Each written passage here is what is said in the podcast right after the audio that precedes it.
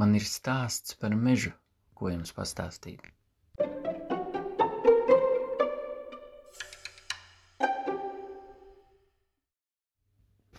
Večuks nesa uz mežu pagalas izdegušas, un atpakaļ nesa svaigas. Vecinīte viņam aizrādīja, ka izdegušās padalas, pagalas, kas nav līdz galam nodegušas, nav jānes atpakaļ uz mežu. Nav jānes! Večuk, ū! Nav jānes izdevušās pagalis uz mežu atpakaļ. Vecīts uzmet aci vecinītei un tāpat aiznes tās neizdegušās pagalis līdz galam atpakaļ uz mežu.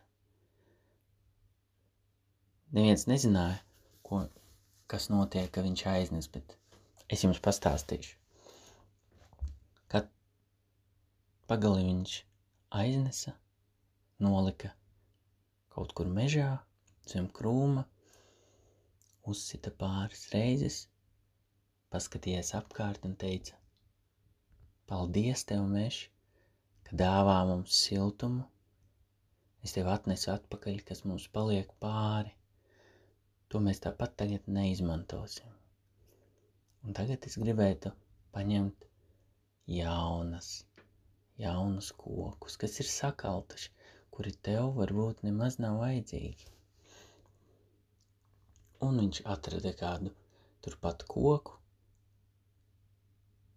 jau sausu, kas vairs nav dzīves, un nesa atpakaļ. Mājās sazājēja un lika krāsnī. Tā viņš sadzīvoja kopā ar mežu. Vasarā viņš darīja arī līdzīgi. Tāpēc viņiem nebija malkas krājuma, jo večuks teica, ka tas jau būs pa daudz, mežs sadusmosies. Pēc vairākiem gadiem vecinītei apnika, viņa sarunāja, ka viņai saved no tuvējā meža, turpat, kur večuks nesa pagalis, lai sacēr tik daudz, cik var, un saliek malkas šķūnī. Strādnieki sacirta, saveda sazāģēja, un večuks sēdēja asarām acīs un teica, ai, ai, ai, ai, ai. Tikko sākās ziema, viss malkas šķūnis nodega.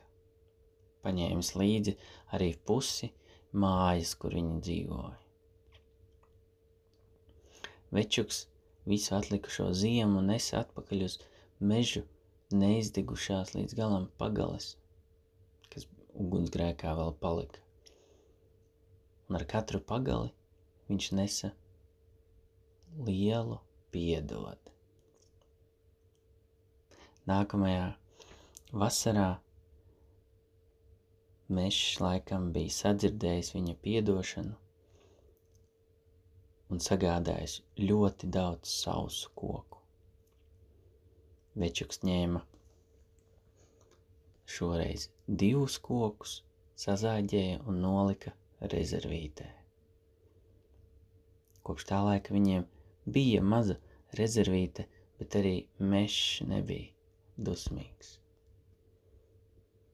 Un večuks neizdegušos līdz galam pagalis nesa atpakaļ uz mežu un teica: Paldies tev, paldies tev, mežs, ka gādā mums siltumu